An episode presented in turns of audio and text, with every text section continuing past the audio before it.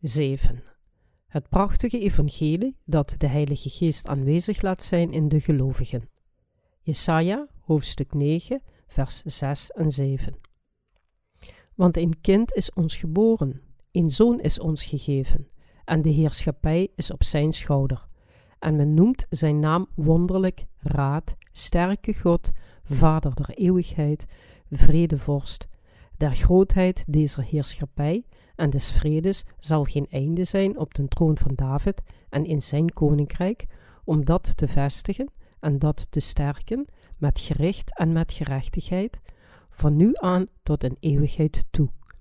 De ijzer des Heren der Heerscharen zal zulks doen.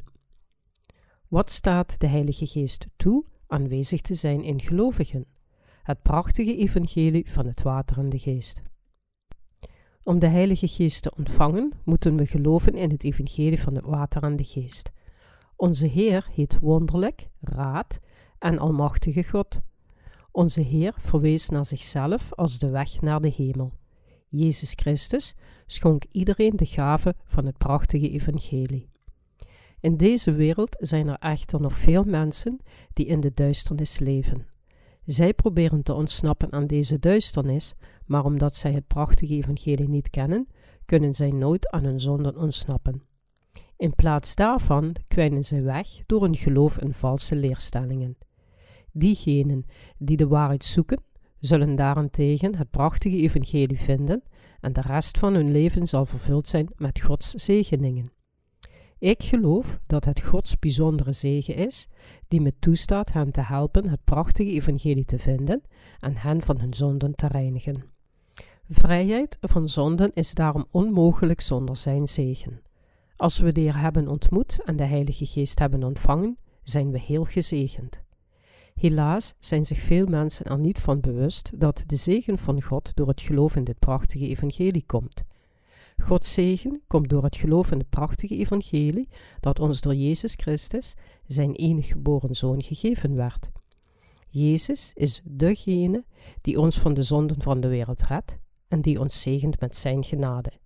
Niemand anders kan ons van onze zonden redden of ons helpen om de schuld in ons hart uit te wissen.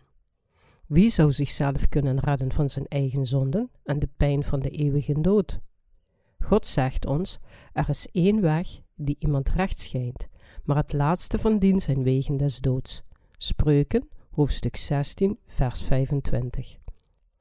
Mensen maken hun eigen religies en jagen zichzelf in de vernieling en de dood.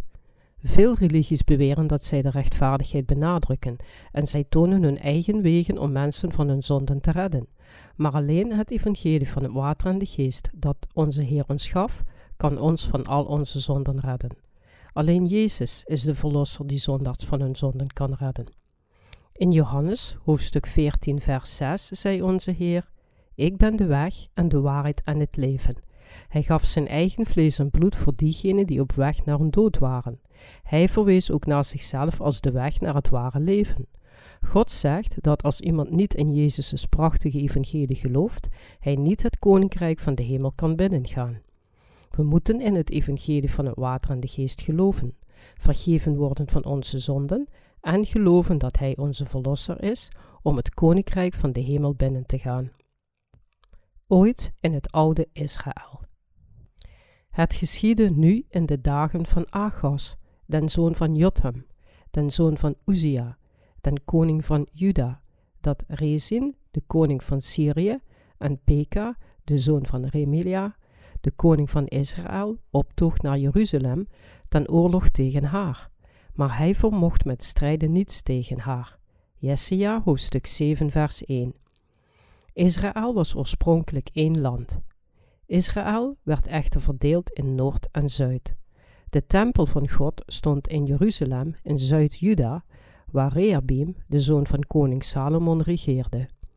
Later vestigde Jerobeam een van Solomons dienaren, een ander land in het noorden en werd Israël dus verdeeld. Vanaf dat moment ging het geloof in God achteruit. De achteruitgang van het geloof werd de bron van de huidige Ketterse religies. Jerobeam werd dus de grondlegger van de Ketters. Hij veranderde de wet van God omdat hij zijn troon moest behouden en werd daarom de vader van ketters. Hij creëerde een andere religie voor zijn volk in Israël, het Noordelijke Koninkrijk, en hij probeerde zelfs Juda binnen te vallen, het Zuidelijke Koninkrijk. Bijna 200 jaar gingen voorbij, maar de vijandige relatie tussen de twee koninkrijken bleef onveranderd. God sprak echter door Jesaja, omdat de Syriër kwaad tegen u beraadslaagd heeft met Ephraim en de zoon van Remelia, zeggende, laat ons optrekken tegen Juda en het verdriet aandoen en het onder ons delen en de zoon van Tabiel koning maken in het midden van hen. Alzo zegt de Heere, Heere, het zal niet bestaan en het zal niet geschieden. Maar Damascus zal het hoofd van Syrië zijn en Rezin het hoofd van Damascus. En in nog 65 jaren zal Ephraim verbroken worden, dat het geen volk zij. Ondertussen zal Samaria Ephraims hoofd zijn en de zoon van Remelia het hoofd van Samaria. Indien gij lieden niet gelooft, zekerlijk, gij zult niet bevestigd worden. Jesaja hoofdstuk 7, vers 5 tot en met 9. In die tijd profeteerde God door Jesaja aan koning Achas, maar de koning geloofde niet in hem. Achas was alleen bezorgd dat hij niet meer in staat zou zijn weerstand te bieden aan het leger van Syrië. Maar toen hij hoorde van de invasie van Syrië en Israël, die met elkaar geallieerd waren, huiverde hij van angst. Maar Jesaja kwam als een dienaar van God en zei: In minder dan 65 jaar zal Noord-Israël niet meer bestaan. En de zondige samenzwering tussen de twee koningen zal nooit uitkomen. Gods dienaar zei tegen koning Achas om naar een teken van God te zoeken. Eis u een teken van de Heeren uw God.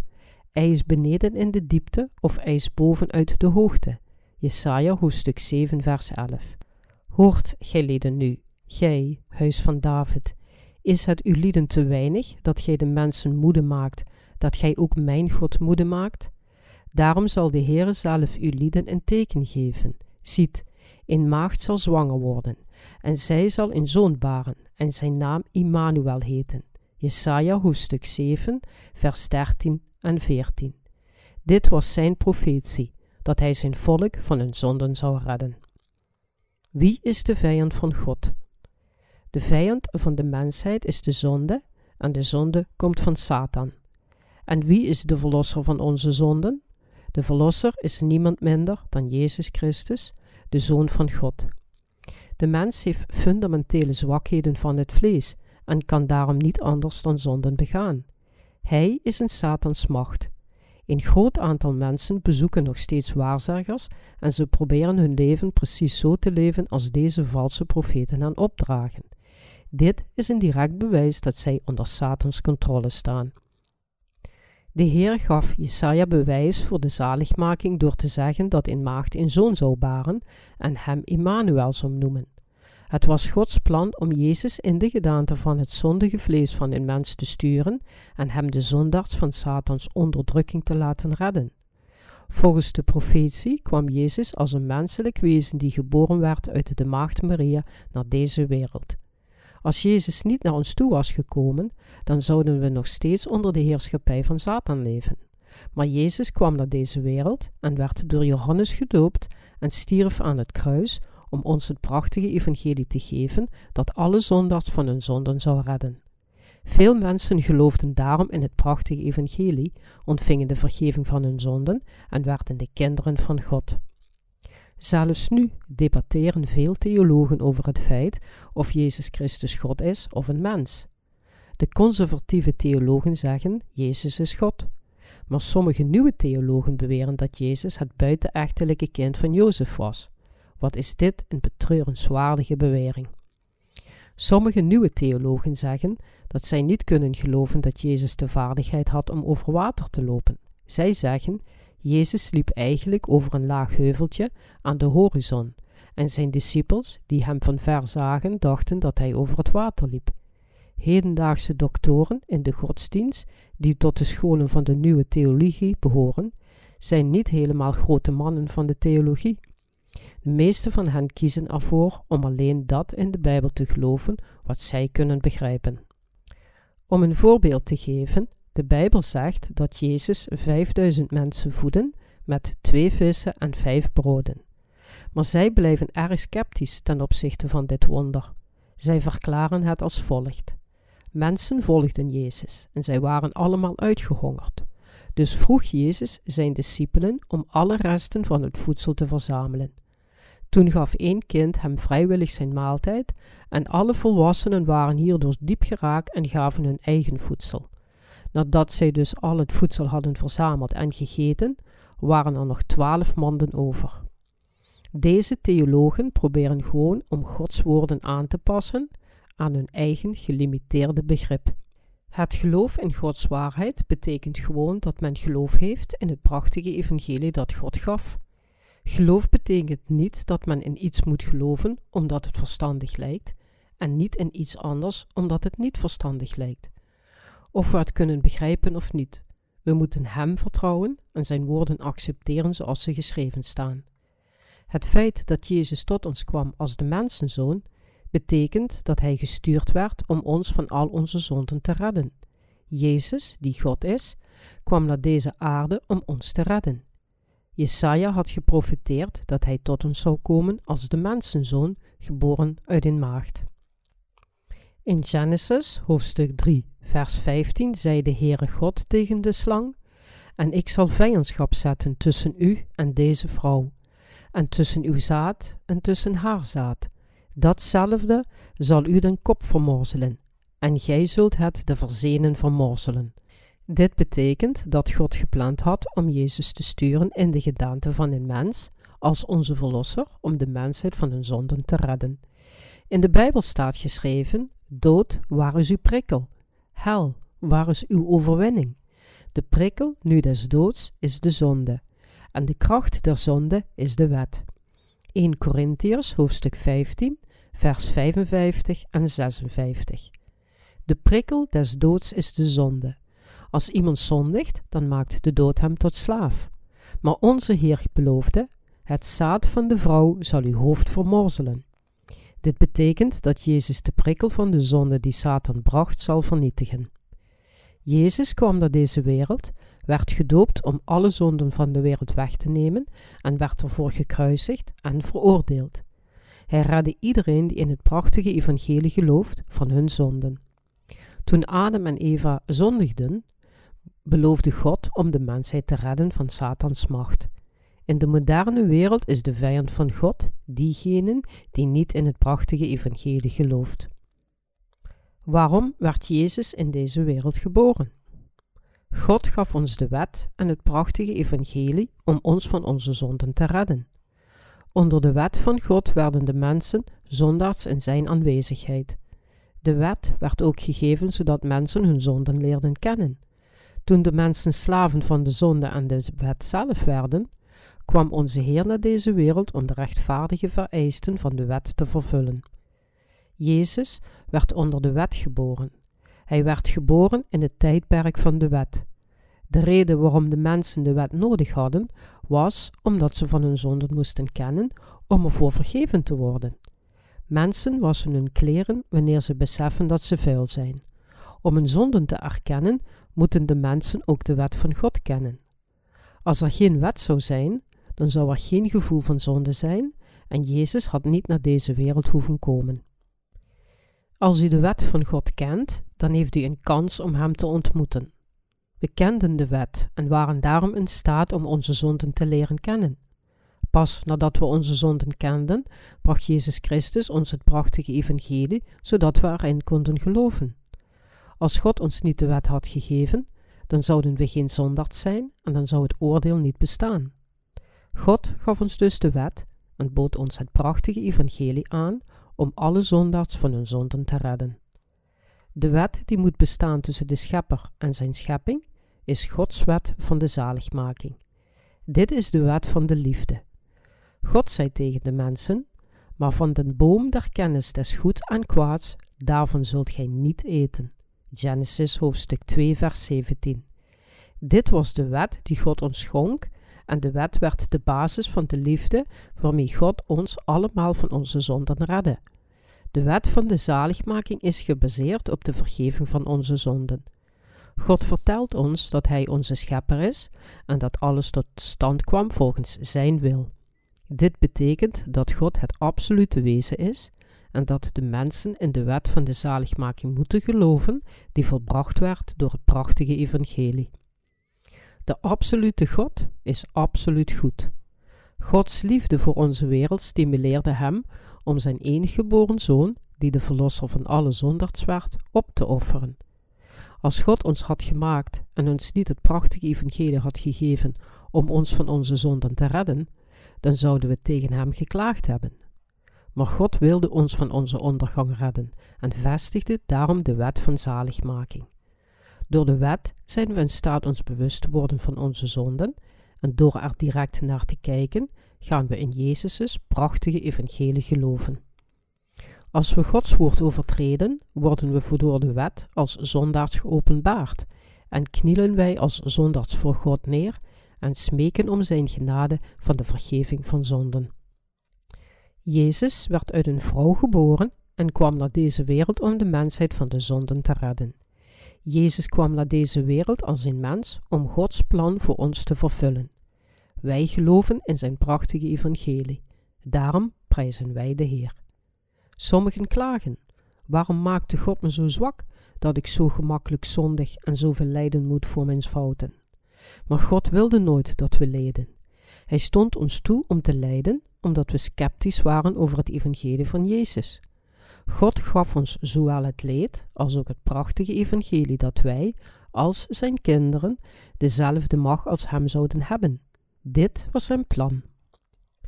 Maar de demonen zeggen: Nee, nee, God is een dictator. Kom op, leef zoals je dat zelf wilt. Wees verstandig, verga je fortuin door je eigen inspanningen. De demonen proberen ook het geloof van de mensheid in God te blokkeren. Maar diegenen die ervoor kiezen om gescheiden van God te leven, vormen een belemmering voor zijn plan van zaligmaking. Jezus kwam naar deze wereld en riep diegenen die onder Satans macht waren om hun zonden te beleiden. We moeten niet gescheiden van God leven. De mens is een geboren zondaard die voortbestemd is om naar de hel te gaan. Er is geen waarheid op deze aarde die niet verandert. Maar het prachtige evangelie van Jezus is de onveranderlijke waarheid. De mensen kunnen daarom op deze waarheid vertrouwen en verlost worden van de macht van Satan. De mensheid erfde de zonden van Adam en Eva en zou, zonder Christus' interventie, verdoemd zijn tot de vuren van de hel. In plaats daarvan werd de mens, dankzij zijn offer, gezegend met de macht om een kind van God te worden. Maar het land dat beangstigd was, zal niet in gans verduisterd worden. Jesaja, hoofdstuk 8, vers 23. God stuurde zijn zoon naar deze wereld en verheerlijkte diegenen die in deze prachtige zaligmaking geloven. Het volk dat in duisternis wandelt, zal een groot licht zien. Degenen die wonen in het land van de schaduw des doods, over dezelfde zal een licht schijnen. Jesaja hoofdstuk 9 vers 1. Vandaag komt dit woord voor u en mij uit. Door in het prachtige evangelie te geloven, werden we gezegend met het eeuwige leven dat we op aarde niet kunnen hebben. Jezus Christus redde de mensen van alle zonden van de wereld en aan diegenen die in het prachtige evangelie geloven, gaf Hij het eeuwige leven en het koninkrijk van de hemel. Hij scheen het prachtige licht van de evangelie op diegenen die hopeloos waren. De mens bestaat net als mist maar eventjes in deze wereld en verdwijnt weer gauw. Zijn leven is net als eenjarige planten en grassoorten. Gras blijft slechts een paar maanden per jaar leven en verdwijnt dan volgens de voorzienigheid van God. Alles in ons leven is nutteloos en zonder betekenis zoals dit gras. Maar God gaf het prachtige evangelie aan onze uitgeputte zielen en met zijn gerechtigheid maakte hij ons zijn kinderen. Wat een wonderbaarlijke genade is dit. Onze betekenisloze levens werden eeuwige levens dankzij Gods liefde en we werden ook gezegend met het recht om zijn kinderen te worden. Hier is de beleidenis van een ziel die gezegend is met Gods genade door in het prachtige evangelie te geloven. Ik werd in een familie geboren die niet in God geloofde. Daarom vond ik het mooi dat mijn moeder iedere morgen naar de goden van de hemel en aarde bad voor het welzijn van mijn familie en met een kom water voor zich. Terwijl ik opgroeide, kende ik de waarde of vrede van mijn bestaan niet, waardoor ik ging geloven dat het niet uitmaakte of ik leefde of stierf. Omdat ik me niet bewust was van mijn waarde, leefde ik in een eenzaamheid. Dit soort leven putte me uit, en dus haastte ik me om te trouwen. Mijn huwelijk was goed. Ik had niets te wensen, dus leefde ik een rustig en sereen leven. Toen kreeg ik een kind, en vanaf dat moment begon de liefde in me tevoorschijn te komen. Ik begon mijn egoïstische verlangens te verliezen, maar ik had ook angst om het verlies van de mensen waar ik om gaf. Dus begon ik God te zoeken. Ik was kwetsbaar en onbekwaam, en daarom had ik een absoluut wezen nodig om over mijn dierbaren te waken. Dus begon ik de kerk te bezoeken. Maar mijn geloof was niets anders dan het geloof van mijn moeder, die voor een kom water bad. Mijn gebeden waren alleen gebaseerd op vage angsten en hoop. Tijdens een van de kleine bijeenkomsten die in de lokale kerk gehouden werden, begonnen tranen uit mijn ogen te rollen terwijl ik zat te bidden. Ik schaamde me en probeerde te stoppen, maar de tranen bleven komen. De mensen om me heen legden hun handen op mijn hoofd en feliciteerden me met de ontvangst van de Heilige Geest. Maar ik was verbijsterd. Ik kende Gods woorden niet eens en mijn geloof in Hem was slechts vaag, dus ik wist niet zeker of deze kracht van de Heilige Geest was. De kerk die ik bezocht was verbonden met de charismatische Pinksterbeweging en velen hadden dezelfde ervaringen als ik en bijna iedereen sprak de tongentaal. Op een dag werd ik uitgenodigd voor een herlevingsbijeenkomst die geleid werd door een pastoor waarvan de mensen zeiden dat hij vervuld was met de Heilige Geest. De pastoor verzamelde ontelbare mensen in de kerk en zei dat hij iemands sinus zou helen, omdat het in zijn geestelijke macht lag om dit te doen. Ik dacht echter dat sinus een ziekte was die gemakkelijk te genezen was in ziekenhuizen dus ik was meer geïnteresseerd in hoe hij de Heilige Geest had ontvangen. Maar nadat de pastoor in zijn poging tot helen leek te slagen, begon hij op te scheppen dat hij kon voorspellen of een student van de middelbare school zou slagen voor zijn toelatingsexamen aan de universiteit. Veel mensen loofden zijn krachten alsof ze van God waren. Maar ik kon hem niet begrijpen. En ik kon ook niet zeggen dat de kracht die de pastoor had iets te maken had met de Heilige Geest. Ik vond het niet belangrijk of hij sinus kon helen of iemands succes tijdens een examen kon voorspellen.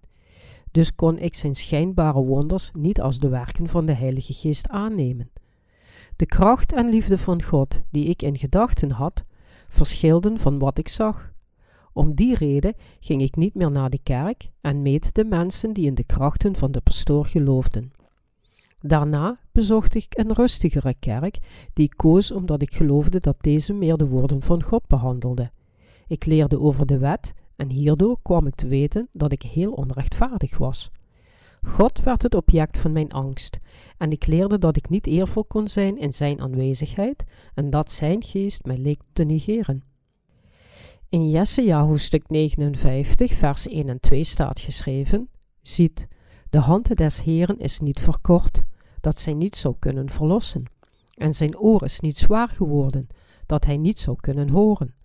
Maar uw ongerechtigheden maken een scheiding tussen uw lieden en tussen uw God, en uw zonden verbergen het aangezicht van uw lieden dat hij niet hoort. Dit scheen te passen bij mijn situatie. Het was voor mij onmogelijk om zijn kind te worden en de Heilige Geest te ontvangen, omdat alles wat ik deed of dacht zondig was. Ik vreesde God en gaf dus constant berouwgebeden. Niemand zei me dat ik dit moest doen, maar ik wilde eervol voor God staan. Omdat ik zondig was, bood ik serieus nog meer berouwgebeden aan. Maar deze gebeden wasten niet mijn zonden weg. Ik liet hem alleen mijn gedachten en oprechtheid zien, maar mijn zonden waren nog steeds in me. Vanaf die tijd begon ik tegen God te klagen. Ik wilde volmaakt zijn in zijn ogen, maar ik kon niet meteen volmaakt zijn, dus stapelden zich mijn klachten en zonden op. Gedurende deze tijd van religieuze verwarring kreeg mijn vader een hersenbloeding. Hij leed veertig dagen in operatiezalen en ziekenhuisbedden voordat hij overleed. Maar ik kon niet voor mijn vader bidden. Ik was een zondaard, dus dacht ik dat wanneer ik voor mijn vader zou bidden, zijn pijn alleen maar erger zou worden. Ik had verdriet om mijn gebrek aan geloof en ik wilde God volgen, maar ik kon dat niet. En dus bleef ik maar klagen en uiteindelijk keerde ik me van hem af. Zo eindigde, eindigde mijn religieuze leven. Ik dacht dat als ik in hem geloofde, zijn geest in me aanwezig zou zijn en ik vrede zou vinden. Maar dit was niet het geval. Mijn leven werd hierna nog betekenislozer. Ik was ongelukkig en leefde in angst. Maar de Heer verliet me niet. Hij liet me in gelovigen tegenkomen die werkelijk de Heilige Geest door Gods woorden had ontvangen. Van deze persoon leerde ik dat Jezus onze zonden door zijn doopsel van Johannes had weggenomen en dat hij ervoor aan het kruis veroordeeld werd. Daarom waren alle zonden van de wereld, inclusief mijn zonden, vergeven. Toen ik dit hoorde en begon te begrijpen, kon ik zien dat al mijn zonden gereinigd waren. God hielp me om de vergeving van mijn zonden te ontvangen, gaf me de zegen van de Heilige Geest en een vredig leven. Hij leidde me stilletjes, gaf me een duidelijk begrip van goed en kwaad en schonk me de kracht om de verleidingen van deze wereld te overwinnen. Hij beantwoordde mijn gebeden en hielp me om een rechtvaardig en waardig leven te leiden. Ik dank God oprecht omdat Hij me de Heilige Geest heeft gegeven. Ieder van ons is gezegend met de genade van de Heer en iedereen is in staat om de Heilige Geest te ontvangen. Ik dank de Heer omdat Hij ons zijn prachtige evangelie heeft gegeven. God zegende de rechtvaardigen met zo'n geluk. De harten van de rechtvaardigen zijn vreugdevol. De Heer gaf ons het eeuwige geluk. We weten hoe waardevol Gods zaligmaking, liefde en genade zijn en we zijn er dankbaar voor. De Heer gaf ons geluk door het prachtige evangelie van de hemel. Dit is iets wat niet met geld gekocht kan worden. God stuurde ons zowel de Heilige Geest als het prachtige evangelie om ons blij en oprecht te maken. Het prachtige evangelie is wat ons leven gezegend maakt. De Heer gaf ons het prachtige evangelie en Hij is blij dat de rechtvaardigen van een gezegend leven genieten. Zoals geschreven staat in Lucas, zei Maria, want geen ding zal bij God onmogelijk zijn. Zie, de dienstmaagd des Heeren, mij geschieden naar uw woord. Lucas, hoofdstuk 1, vers 37 en 38. Het moment dat Maria in de prachtige woorden van God geloofde, zoals gesproken door zijn engel, werd Jezus ontvangen. Zo ontvangen ook de rechtvaardigen door hun geloof het prachtige evangelie in hun hart. Want het juk van hun last en den stok hunner schouders en den staf desgenen die hen dreef, hebt gij verbroken, gelijk ten dragen der Medianieten. Jesaja hoofdstuk 9 vers 3 Satan veroorzaakte alle ellende, ziekten en onderdrukking in ons leven, maar we zijn veel te zwak om hem te overwinnen. Maar God houdt van ons en dus heeft Hij tegen Satan gevochten en hem verslagen. Want een kind is ons geboren, een zoon is ons gegeven, en de heerschappij is op zijn schouder. En men noemt zijn naam wonderlijk, raad, sterke God, Vader der eeuwigheid, vredevorst. Der grootheid deze heerschappij en des vredes zal geen einde zijn op den troon van David en in zijn koninkrijk, om dat te vestigen en dat te sterken met gericht en met gerechtigheid, van nu aan tot in eeuwigheid toe. De ijver des Heeren der Heerscharen zal zulks doen. Jesaja hoofdstuk 9, vers 5 en 6. God beloofde dat Hij ons zou verheerlijken als Zijn kinderen door het prachtige evangelie dat Jezus bracht. Hij versloeg Satan volgens Zijn belofte en bevrijdde ons van de macht van Satan. De Heer kwam naar de aarde en met Zijn macht beloofde Hij om alle duisternis van de zonden weg te nemen. Dus noemen we onze Heer ook de wonderbaarlijke. Hij heeft veel wonderbaarlijke dingen voor ons gedaan. Gods beslissing om deze wereld te komen als de mensenzoon was mysterieus. Komt dan en laat ons samen rechten, zegt de Heere, al waren uw zonden als scharlaken, zij zullen wit worden als sneeuw. Al waren zij rood als karmozijn, Zij zullen worden als witte wol. Jesaja, hoofdstuk 1, vers 18. De Heer beloofde om ons van onze zonden te redden en ons de eeuwige vergeving te geven. Maar Jezus werd verwezen als de wonderbaarlijke en overeenkomstig heeft Hij wonderbaarlijke werken voor ons gedaan. En men noemt zijn naam wonderlijk, raad, sterke God. God als onze raadgever plande onze zaligmaking met het prachtige evangelie en hij voerde zijn plan uit om ons voor eeuwig van onze zonden te redden. De dwaasheid van God is wijzer dan de mens. Het was zijn wijsheid om Jezus door Johannes te laten dopen en aan het kruis te laten sterven, om ons van al onze zonden te redden. Dit is het mysterieuze werk dat Hij voor ons deed. Maar het is de wet van de liefde die ons van al onze zonden redden. De wet van de liefde is het evangelie van de waarheid dat ons leidt naar de ontvangst van de Heilige Geest door het water en zijn bloed. De Heer zegt in Jesaja hoofdstuk 53 vers 10 Doch het behaagde den Heere hem te verbrijzelen. Hij heeft hem krank gemaakt.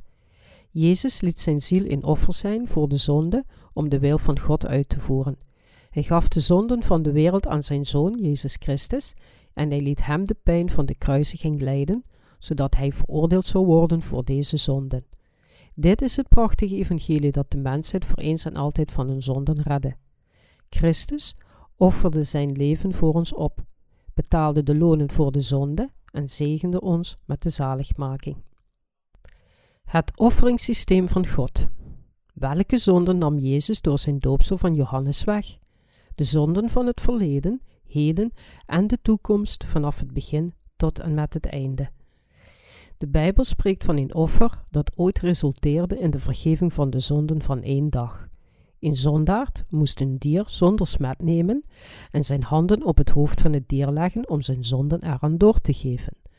Daarna moest hij het offer doden en het bloed aan de priester overhandigen. En de priester nam iets van het bloed van het dier en smeerde dat op de horens van het brandofferaltaar en goot de rest ervan op de grond voor het altaar uit. Op deze manier kon hij vergeven worden van de zonden van één dag. Het opleggen van handen was voor een zondaard de manier om zijn zonden aan het offer door te geven. Diegenen die een offer volgens het offeringssysteem aanboden, konden de vergeving van hun zonden ontvangen. Het offeringssysteem was de manier om van hun zonden verlost te worden in de tijd voordat Jezus alle zonden had weggenomen. God had ook de grote verzoendag ingesteld, zodat het volk van Israël verzoening kon doen voor de zonden die tijdens een heel jaar begaan waren. Het offeren vond plaats op de tiende dag van de zevende maand. God wees Aaron, de hoge priester, aan als diegene die de jaarlijkse zonde van alle Israëlieten aan de zondenbok doorgaf. Het ritueel werd uitgevoerd volgens Gods plan. De vergeving van zonden kwam van zijn wijsheid en liefde voor de mensheid. Dit is zijn macht. De horens van het brandofferaltaar verwijzen naar de boeken van het oordeel. Openbaring hoofdstuk 20 vers 12, waar de zonden van de mensheid in staan geschreven. De reden waarom de priester het bloed van het zondeoffer op de horens van het brandofferaltaar smeerde, was om de namen en hun overtredingen, die in de boeken van het oordeel geschreven staan, uit te wissen. Het bloed is het leven van al het vlees. Het offer nam de zonden van de Israëlieten weg en de zondebok werd gedood om het loon van de zonden te betalen. Daarna liet God hen het offerdier doden om het oordeel voor hun zonden te accepteren. Dit was een teken van zijn wijsheid en liefde voor ons. Jezus Christus kwam naar deze wereld als een offer voor de zonden om Gods plan te voltooien. Jezus nam de zonden van de wereld door zijn offer weg. Als we naar de woorden van deze belofte kijken, dan zien we, doch het behaagde den Heeren hem te verbrijzelen, en heeft hem krank gemaakt, of hij nam de zonden van de wereld weg. Want een kind is ons geboren, een zoon is ons gegeven, en de heerschappij is op zijn schouder. En men noemt zijn naam wonderlijk, raad, sterke God, Vader der eeuwigheid, vredevorst. Der grootheid deze heerschappij en des vreden zal geen einde zijn op den troon van David en in zijn koninkrijk om dat te vestigen en dat te sterken met gericht en met gerechtigheid, van nu aan tot in eeuwigheid toe. De ijver des Heren der Heerscharen zal zulks doen. Jesaja hoofdstuk 9, vers 5 en 6. De mysterieuze en wonderbaarlijke belofte was dat Jezus Gods wil zou uitvoeren en alle gelovigen vrede zou geven door de zonden van de wereld weg te nemen. Gods belofte was een belofte van liefde, waarmee hij van plan was de hele mensheid vrede te brengen. Dit is wat God ons beloofde en dit is wat hij deed. Matthäus hoofdstuk 1 vers 18 zegt: De geboorte van Jezus Christus was nu al dus want als Maria, zijn moeder, met Jozef ondertrouw was, eer zij samengekomen waren, werd zij zwanger bevonden uit den Heilige Geest. Jezus betekent verlosser, degene die zijn volk van hun zonden zal redden. Christus betekent de gezalfde koning. Jezus had geen zonden en hij is onze koning en verlosser die uit een maagd is geboren om zijn volk van hun zonden te redden.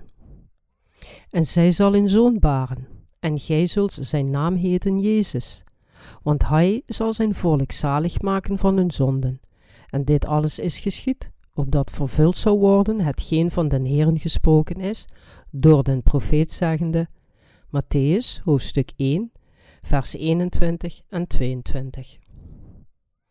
Jezus nam alle zonden van de wereld op zich door zijn doopsel. In Matthäus hoofdstuk 3, vers 13 tot en met 17 staat geschreven: Toen kwam Jezus van Galilea naar de Jordaan tot Johannes, om van hem gedoopt te worden. Doch Johannes weigerde hem zeer, zeggende: Mij is nodig van u gedoopt te worden, en komt gij tot mij? Maar Jezus antwoordende zeide tot hem: Laat nu af, want aldus betaamt ons alle gerechtigheid te vervullen. Toen liet hij van hem af en Jezus gedoopt zijnde is terstond opgeklommen uit het water. En ziet, de hemelen werden hem geopend, en hij zag den geest Gods nederdalen, gelijk in duiven, en op hem komen. En ziet, een stem uit de hemel zeggende, Deze is mijn zoon, mijn geliefde, in den welke ik mijn welbehagen heb. Johannes de Doper verschijnt in deze passage. Waarom moest Jezus gedoopt worden door Johannes? Jezus moest gedoopt worden om alle zonden van de wereld op zich en weg te nemen volgens Gods plan. De heerschappij is op zijn schouder. Jesaja hoofdstuk 9 vers 5. De heerschappij betekent hier dat Jezus degene is die de autoriteit en macht heeft als de meester van de hemel, als de koning van de wereld. Dit is de autoriteit die alleen aan Jezus Christus is verleend. Jezus deed iets geweldigs toen hij alle zonden van de mensheid wegnam. Dit geweldig iets was om door Johannes gedoopt te worden. Wat Jezus bedoelde toen hij zei: Want aldus betaamt het ons alle gerechtigheid te vervullen, is dat het wegnemen van alle zonden van de wereld gerecht en passend was. Romeinen, hoofdstuk 1, vers 17 zegt: Want de gerechtigheid Gods wordt in hetzelfde geopenbaard uit geloof tot geloof. Gods gerechtigheid werd geopenbaard in het evangelie. Openbaart het ware evangelie van het water en de geest werkelijk Gods gerechtigheid? Ja. Het ware evangelie is dat Jezus Christus alle zonden van de wereld door zijn doopsel en kruisiging wegnam.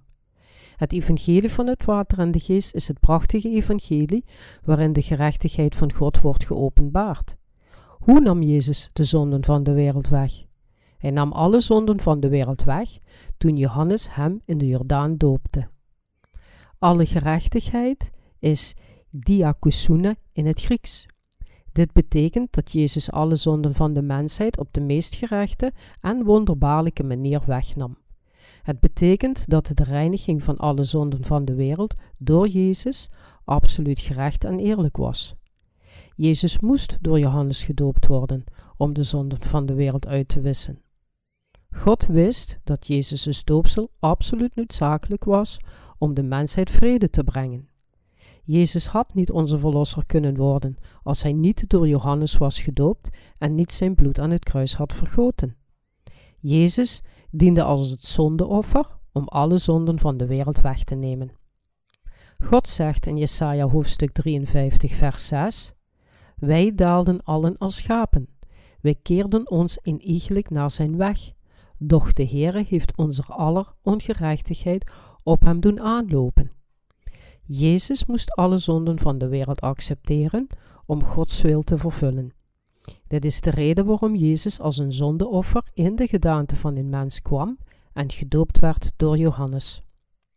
Jezus moest alle zonden van de mensheid accepteren en ervoor veroordeeld worden, zodat hij Gods plan kon vervullen en zijn onsterfelijke liefde kon uitdrukken. Toen Jezus na zijn doopsel uit het water kwam, zei God: Deze is mijn zoon, mijn geliefde, in den welke ik mijn welbehagen heb. Matthäus hoofdstuk 3, vers 17. Een kind werd ons geboren. Want een kind is ons geboren, een zoon is ons gegeven, en de heerschappij is op zijn schouder. En men noemt zijn naam wonderlijk, raad, sterke God, vader der eeuwigheid, vredevorst. Jesaja hoofdstuk 9 vers 5. Jezus is de Zoon van God. Jezus is de God van de schepping die het hele universum heeft geschapen.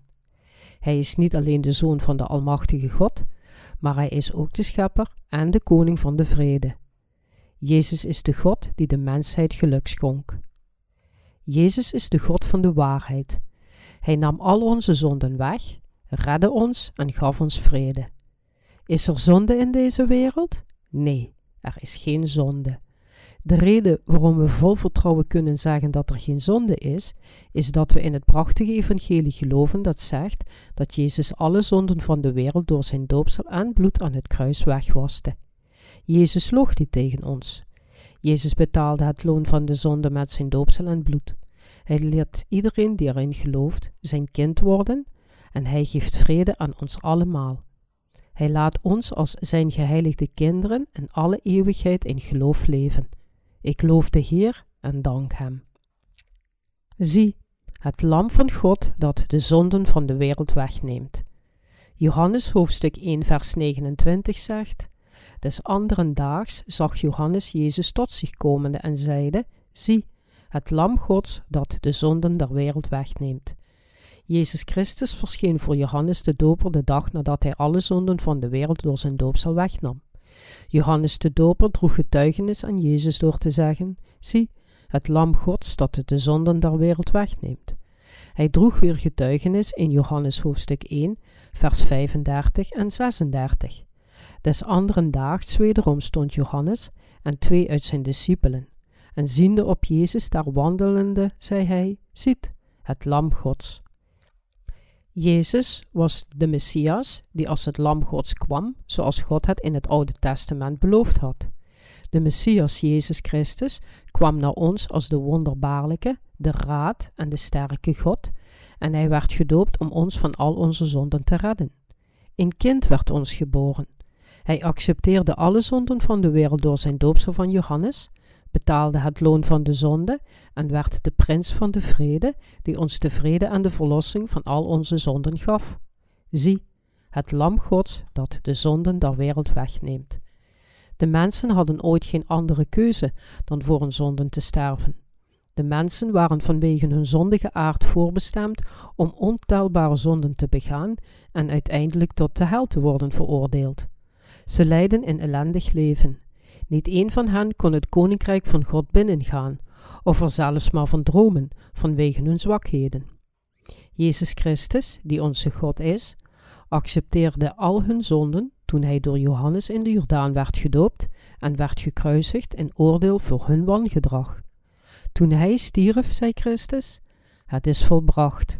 Johannes hoofdstuk 19, vers 30. Dit was de kreet van zijn getuigenis van het feit dat Jezus de hele mensheid van haar zonden en dood heeft gered en dat hij iedereen die in het prachtige evangelie gelooft, volledig heeft verlost. Zie, het lam Gods dat de zonden der wereld wegneemt.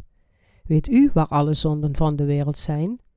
Bevinden zij zich niet op het lichaam van Jezus Christus? Waar zijn alle zonden en overtredingen die ons in deze wereld leerslachtig maken? Zij werden allemaal aan Jezus Christus doorgegeven. Waar zijn al onze zonden? Ze zijn in het vlees van degene met het vorstendom op zijn schouders. Ze zijn in het vlees van de Almachtige God. Alle zonden vanaf de geboorte tot het graf.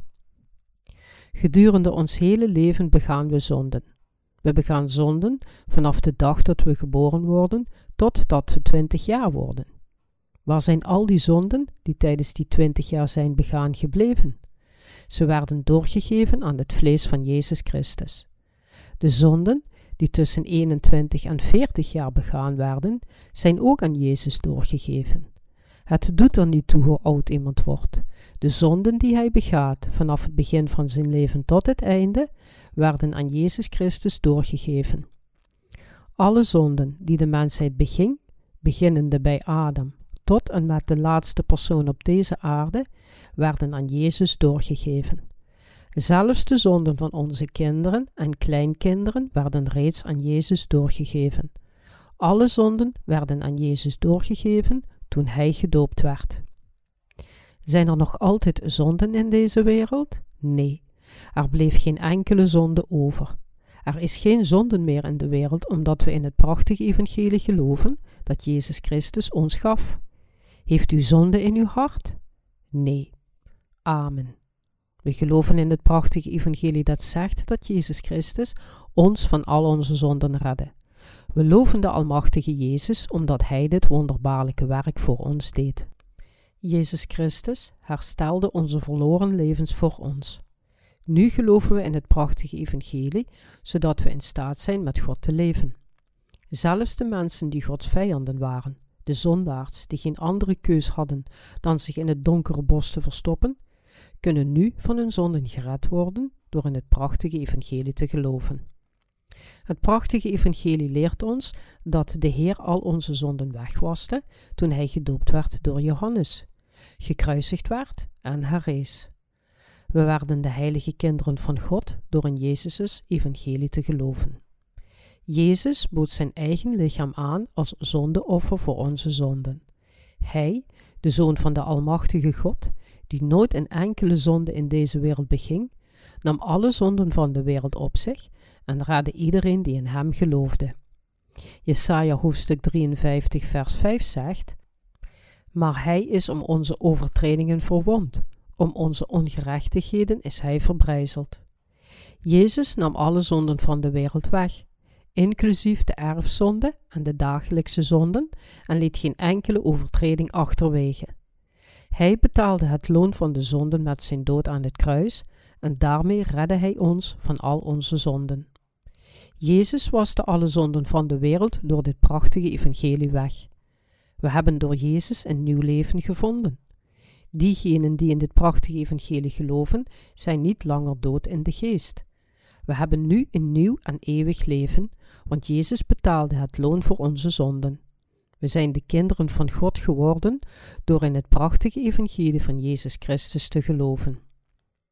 Gelooft u dat Jezus Christus de Zoon van God is?